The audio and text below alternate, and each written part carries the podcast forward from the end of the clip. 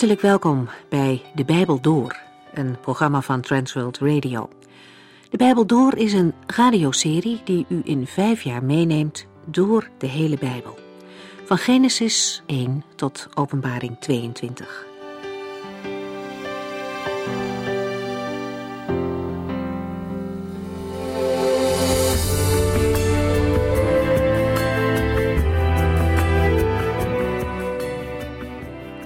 We lazen de vorige keer in 1 Corinthiërs hoofdstuk 10 en straks gaan we verder bij vers 23. Paulus heeft twee onderwerpen in dit gedeelte. Als eerste een dringende waarschuwing om te volharden in het geloof. Als tweede gaat hij in op de afgodendienst. De reis die het volk Israël maakte uit Egypte naar het beloofde land geeft voorbeelden voor de levensweg van een christen. Paulus schrijft dat wat zij meemaakten ook voorbeelden zijn voor ons. Tijdens de uitzendingen over het boek Exodus bijvoorbeeld hebben we ook gezien hoeveel geestelijke lessen juist in het Oude Testament voor ons liggen. Als u dat in de tijd niet heeft gehoord of u wilt het nog eens beluisteren, dan kan dat. U kunt deze uitzendingen tegen een vergoeding op een USB-stick bij Transworld Radio bestellen. Aan het eind van het programma krijgt u het adres. Een van de voorbeelden die Paulus aanhaalt is het gemopper van de Israëlieten. Ondanks alle zegen die God hen gaf, mopperden zij voortdurend. Keer op keer gaf God hen water en eten. Hun klederen versleten niet. Ze waren getuigen van grote wonderen en toch, toch vergaten ze dat steeds weer. Als er gevaar dreigde of wanneer het moeilijk was, mopperden ze in plaats van te vertrouwen dat God zou helpen, zoals hij beloofd had. Het volk merkte veel van God. Ze ontvingen veel van hem en toch was het niet een tijd van geestelijke kracht. Voor ons een voorbeeld en een waarschuwing om in moeilijke tijden te blijven vertrouwen op God. Zoals Paulus in vers 13 zegt: De beproevingen die u hebt ondergaan zijn niet ongewoon. God is trouw. Hij zal ervoor zorgen dat de beproevingen niet te veel worden. Hij zal ook een uitweg uit die beproevingen geven, zodat u er tegen opgewassen bent. Wij lezen verder in hoofdstuk 10.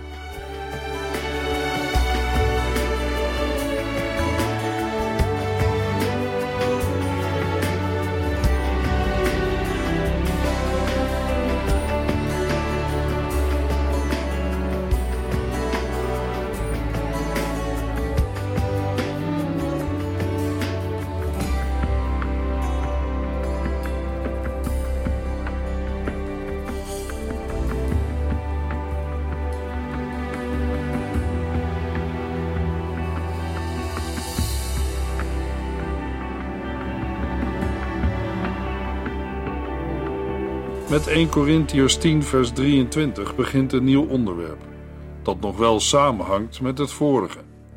Het deelnemen aan offermaaltijden in heidense tempels is duidelijk onverenigbaar met het toebehoren aan Christus en zijn gemeente.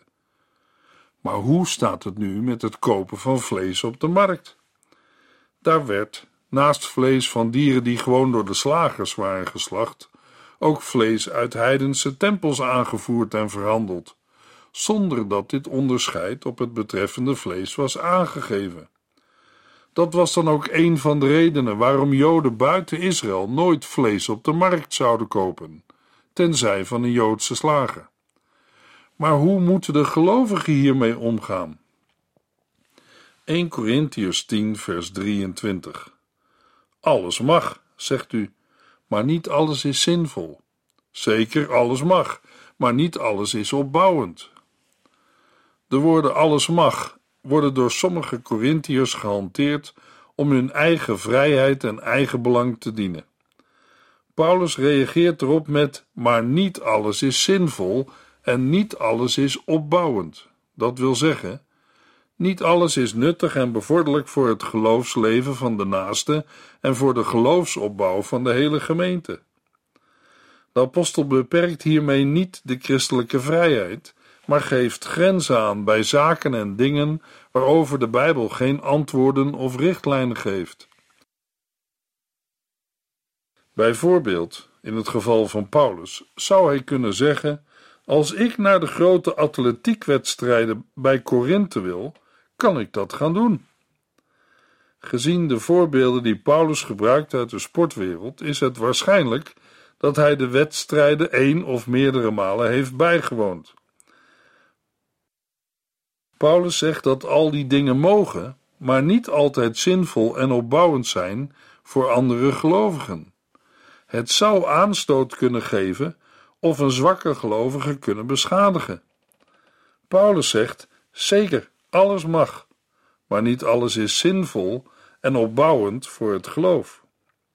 Daarom de volgende aanbeveling. 1 Corinthians 10, vers 24. U moet niet uw eigen belang zoeken, maar dat van de ander. Paulus geeft het principe op grond waarvan een gelovige in iedere situatie moet handelen. Niemand mag het eigen belang zoeken, maar dat van de ander. Het eigen belang is in dit verband de vrijheid die de gelovige zelf meent te bezitten. Het belang van de ander is datgene waardoor het geloof van de ander wordt opgebouwd. Niet de vrijheid van de wet of van bepaalde wetten, of kennis is het doel van de gelovige, maar de liefde, waarmee men de ander dient.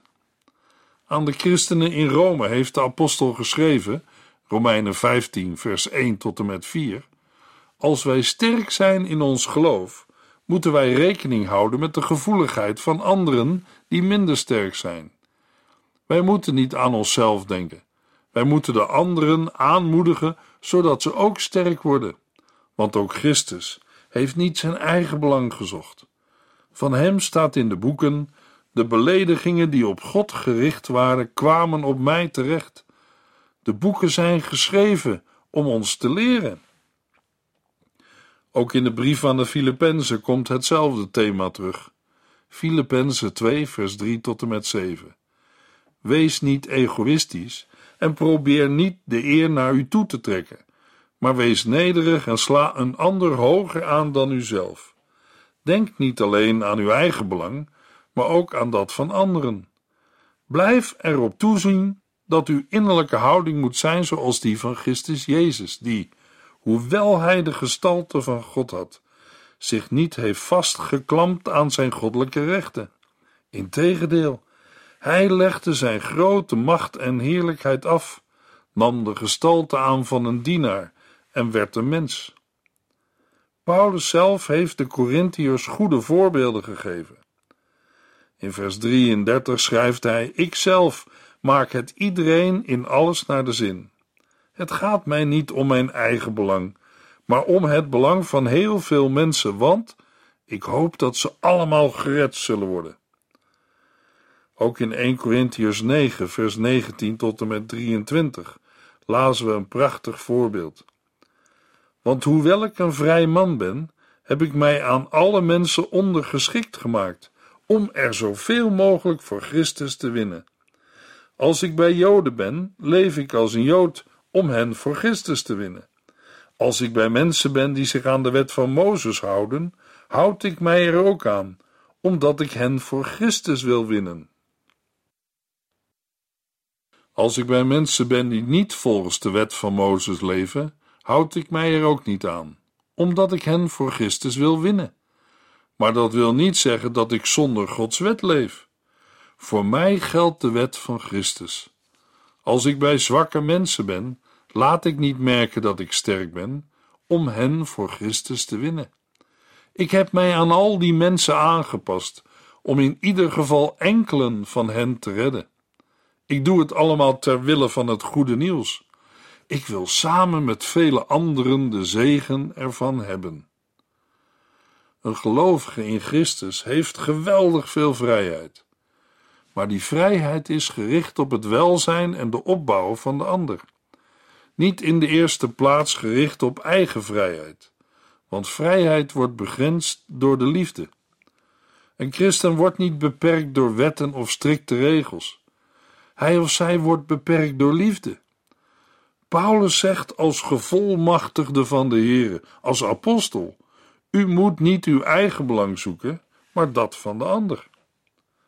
1 Corinthians 10, vers 25 en 26.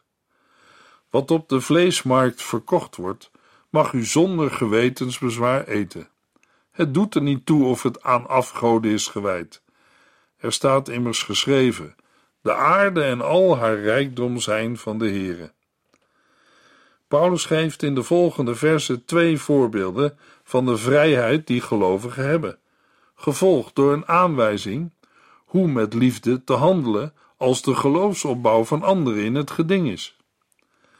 Voor de Joden gold de regel dat zij, voordat zij vlees kochten, eerst moesten vaststellen of het betreffende dier op de voorgeschreven Joodse wijze was geslacht en of het niet op een of andere manier in verband stond met de afgoden. Maar zolang de gelovigen niet met de afgodendienst meedoen, gelden voor hen deze voorschriften niet. Daarover hoeven zij ook geen gewetensbezwaar te hebben. De twee redenen waarom deze wetten niet voor de gelovigen gelden, komen in de versen 26 en 30 aan de orde. De vlees- en groentemarkt was meestal een overdekt gedeelte van het marktplein, waar zich winkeltjes of kraampjes bevonden. De overkapping garandeerde wat koelte, waardoor bederfelijke levensmiddelen langer goed bleven. In Korinthe zijn bij opgravingen overblijfselen van de genoemde markthal teruggevonden. Op de vleesmarkt werd vlees uit tempels en slachterijen door elkaar verkocht, en soms was de herkomst moeilijk vast te stellen. Omdat het kopen van vlees op de markt heel wat anders is dan deelname aan een feestmaal ter ere van een afgod, kunnen de gelovigen het gerust eten. De woorden zonder gewetensbezwaar houden in dat er geen navraag hoeft worden gedaan, omdat het helemaal geen gewetenszaak is. Zelfs niet als het vlees wel uit een afgodentempel afkomstig zou zijn.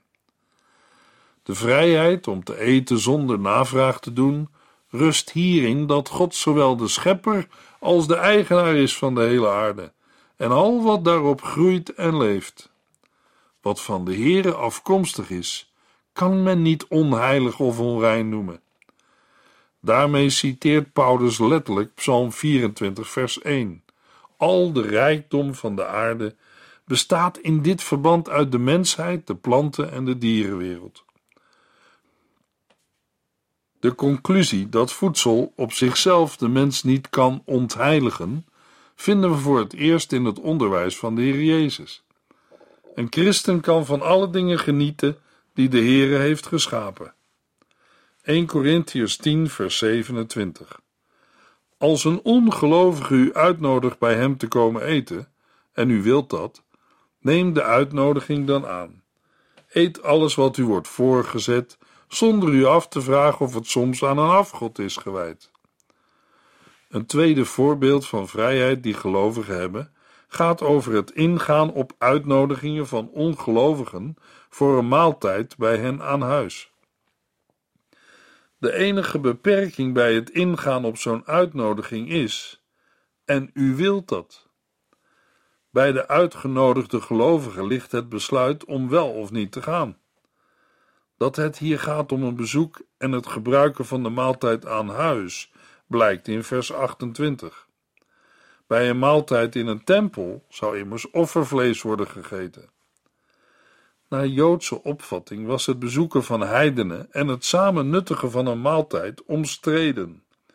Zo niet verboden, omdat het voedsel niet volgens de spijswetten was klaargemaakt en mogelijk zelfs uit de afgodentempels afkomstig was. Ook onder Joodse gelovigen leidde dit dikwijls tot problemen. Maar de gelovige christenen hoeven geen bezwaar te maken, omdat zij niet meedoen aan de afgodendienst. De omgang met heidenen is tot op zekere hoogte zelfs noodzakelijk om hun het evangelie te verkondigen. In 2 Korintiërs 6 waarschuwt Paulus wel voor te nauwe verbintenissen met ongelovigen. 1 Korintiërs 10 vers 28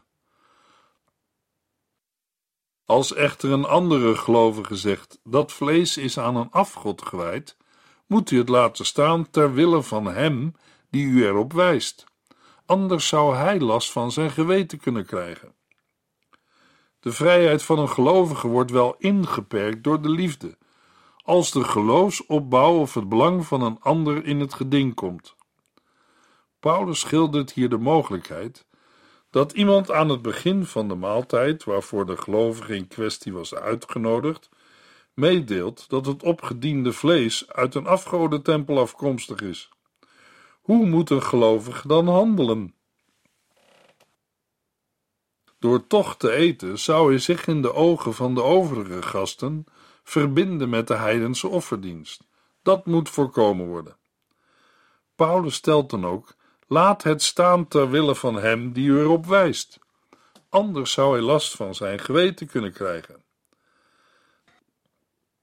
Degene die erop wijst, is meestal een medegelovige.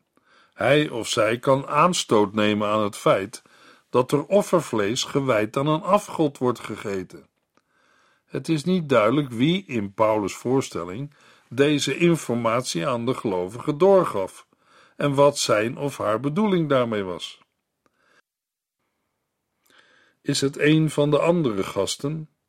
Is het een pasbekeerde gelovige met een heidense achtergrond, die in zijn geweten nog niet geheel vrij is van de afgodendienst?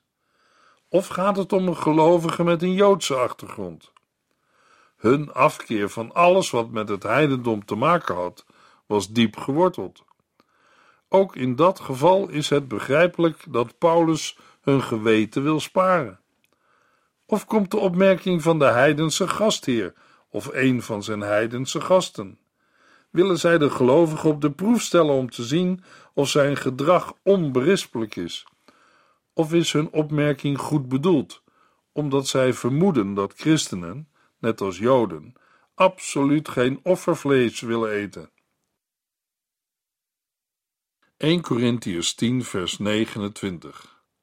Het gaat dus niet om uw geweten, maar om het zijne. Maar waarom zou mijn vrijheid moeten worden beperkt door andermans geweten? Het eten van voedsel, behalve in een heidense tempel, is helemaal geen zaak van het geweten.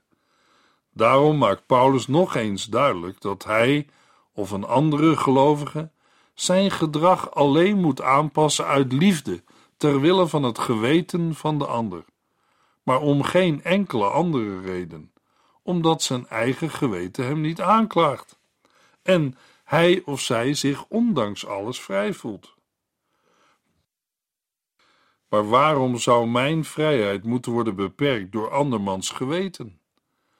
Deze vraag maakt duidelijk dat het eigen geweten van de gelovige ook in een dergelijke situatie vrij is en niet getroffen wordt door de beoordeling van anderen. De aanpassing in gedrag is om de ander in zijn gevoeligheid tegemoet te komen, bijvoorbeeld in het geval van een Joodse medegelovige of een pasbekeerde. 1 Corinthians 10, vers 30. Als ik God dank voor wat ik eet, hoe durft die andere dan iets van te zeggen? Om duidelijk te maken dat de kritiek of lastering van anderen hem in zo'n situatie niet deert of treft, verwijst Paulus naar het dankgebed, waardoor het voedsel wordt geheiligd. Het christelijk dankgebed gaat terug op het Joodse dankgebed aangezien de aarde en al haar rijkdom van de Heere zijn. Wist een Joodse man of vrouw zich verplicht de Heere voor het voedsel te danken. Door het dankgebed beleidt een gelovige hardop dat zijn voedsel van de Heere komt, en daarmee wordt het geheiligd, apart gezet van iedere mogelijke verbinding met afgodenoffers. Door zo'n dankgebed vervalt dan ook iedere kritiek die iemand op de etende gelovige zou kunnen hebben. 1 Corinthians 10, vers 31. Wat u doet, doe het ter ere van God, ook het eten en drinken. Paulus komt met vers 31 tot de slotsom van de hoofdstukken 8 tot en met 10 en in het bijzonder van het gedeelte 1 Corinthians 10, vers 23 tot en met 30. De gelovige mag zijn eigen innerlijke gewetensvrijheid hebben om bijvoorbeeld alles te eten, waarvoor hij God kan danken. Hij mag zich vrij weten van Joodse spijswetten en van de Joodse afzonderingsvoorschriften ten opzichte van heidenen. Maar in zijn gedrag moet hij zich verbonden weten aan twee principes. Ten eerste moet zijn gedrag, eten, drinken en doen, tot eer van God zijn. Dat wil zeggen dat hij of zij de Heere betrekt in zijn eten, drinken, doen en laten, zodat men hem ervoor kan danken en zijn naam erdoor wordt verheerlijkt en niet die van de afgoden of boze geesten. Het tweede principe, dat in vers 32 wordt uitgewerkt, is het rekening houden met de geloofsopbouw of het geestelijke belang van de ander. Dat wil zeggen dat ons gedrag geen belemmering mag vormen voor het geloven of tot geloof komen van een ander. 1 Corinthians 10, vers 32. Wees geen struikelblok voor Joden, heidenen of gelovigen. Paulus verdeelt de mensheid in drie groepen: Joden, niet-Joden en gelovigen. Iedere groep heeft specifieke gebruiken en gewoonten. Het is goed om daar rekening mee te houden. Bijvoorbeeld als een Joodse man of vrouw bij u komt eten, is het verkeerd hem of haar ham voor te zetten. Een gelovige moet andere mensen liefhebben, opdat hij een ander geen aanstoot geeft en mogelijk voor Christus kan winnen. Ook veel niet-Joden kunnen bijzondere gebruiken hebben. Daarbij moet de instelling van een gelovige zijn: wees geen struikelblok. 1 Corinthians 10, vers 33. Ikzelf maak het iedereen in alles naar de zin. Het gaat mij niet om mijn eigen belang, maar om het belang van heel veel mensen, want ik hoop dat ze allemaal gered zullen worden. Paulus zelf heeft tijdens zijn zendingswerk in Korinthe en daarbuiten steeds een voorbeeld gegeven van deze levensinstelling. Het gaat mij niet om mijn eigen belang. Het wijst hier op de bereidheid om aan alle dienstbaar te zijn en eigen vrijheden, rechten en belangen op te geven ter wille van het behoud van anderen. Dat is het enige doel. Voor Paulus betekende dat niet alleen dat hij zijn eetgewoonte aanpaste. Het betekende ook dat hij geen gebruik maakte van zijn recht om door de gemeente financieel onderhouden te worden. Zijn persoonlijk belang weegt minder zwaar dan het behoud van de anderen. Paulus zegt: Ik hoop dat ze allemaal gered zullen worden voor alle duidelijkheid. Dat wil niet zeggen dat Paulus van mening is dat het aanpassen aan mensen betekent dat de boodschap van het evangelie aan hun wensen wordt aangepast of veranderd. In 1 Korinthe 1 vers 23 en 24 hebben we gelezen hoe de apostel daarover denkt. Wij vertellen over Christus, die voor ons aan het kruis gestorven is. De Joden ergeren zich daaraan en de andere volken vinden dat een grote dwaasheid. Maar voor degenen die door God geroepen zijn, is Christus de kracht en de wijsheid van God. 1 Corinthiërs 11 vers 1 Volg mijn voorbeeld, vrienden, zoals ik het voorbeeld van Christus volg. Dit vers hoort nog bij 1 Corinthiërs 10. Het vormt eigenlijk de afsluiting. Paulus roept de gelovigen op om hem na te volgen. Dat is geen zelfoverschatting. De apostel doelt op het navolgen van zijn levenshouding, van zelfopoffering ten behoeve van anderen. Met die houding volgt hij zelf de Heer Jezus Christus na, die niet zijn eigen belang zocht, maar zichzelf opofferde tot redding van zondaren. 1 Corinthians 11, vers 2 en 3. Ik ben blij dat u steeds aan mij denkt en nog precies weet wat ik heb gezegd, en dat u zich houdt aan alles wat ik heb doorgegeven. Maar ik wijs u op iets dat u moet weten. Christus is het hoofd van elke man. De man is het hoofd van zijn vrouw en God is het hoofd van Christus. De Corinthiërs volgen het onderwijs van de apostelen zoals Paulus hun dat onderwezen heeft, precies na. Ze houden zich aan alles wat Paulus heeft doorgegeven, waarvoor Paulus hen prijst. De situatie in de gemeente van Korinthe is beslist niet in elk opzicht slecht. In de versen 3 tot en met 16 gaat Paulus een nieuw thema behandelen. Het gaat over ordelijk gedrag in de eredienst of samenkomsten. De reden waarom Paulus op dit thema ingaat, hangt waarschijnlijk samen met de brief die de apostel uit Korinthe heeft ontvangen. In de brief zal een vraag gesteld zijn naar regels voor de hoofdbedekking en haardracht van vrouwen.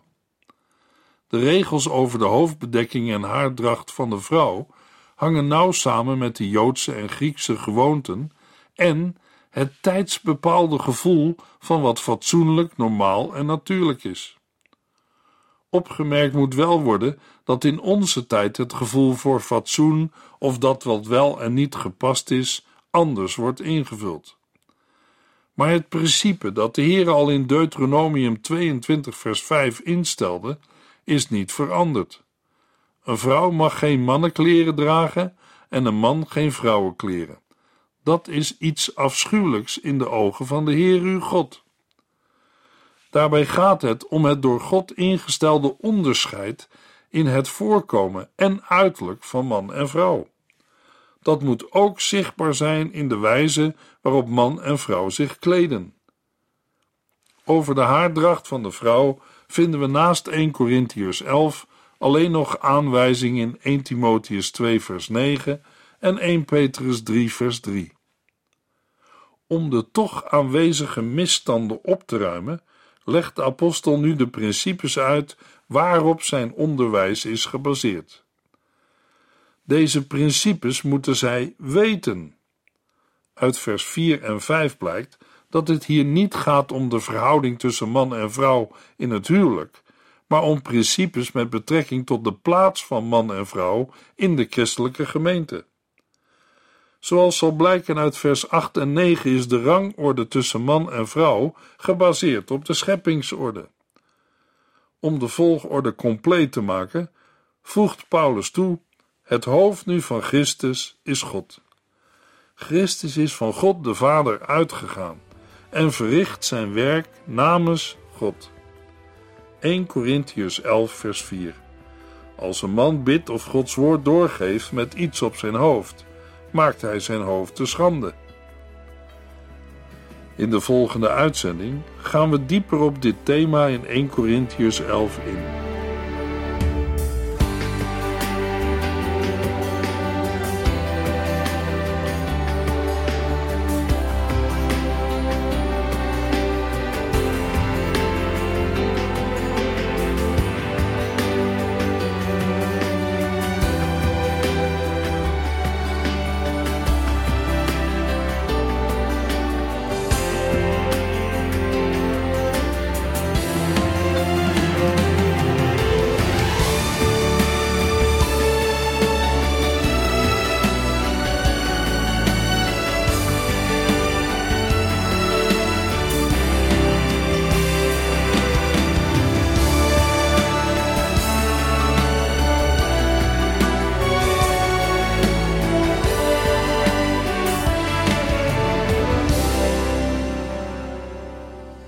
Geluisterd naar De Bijbel Door.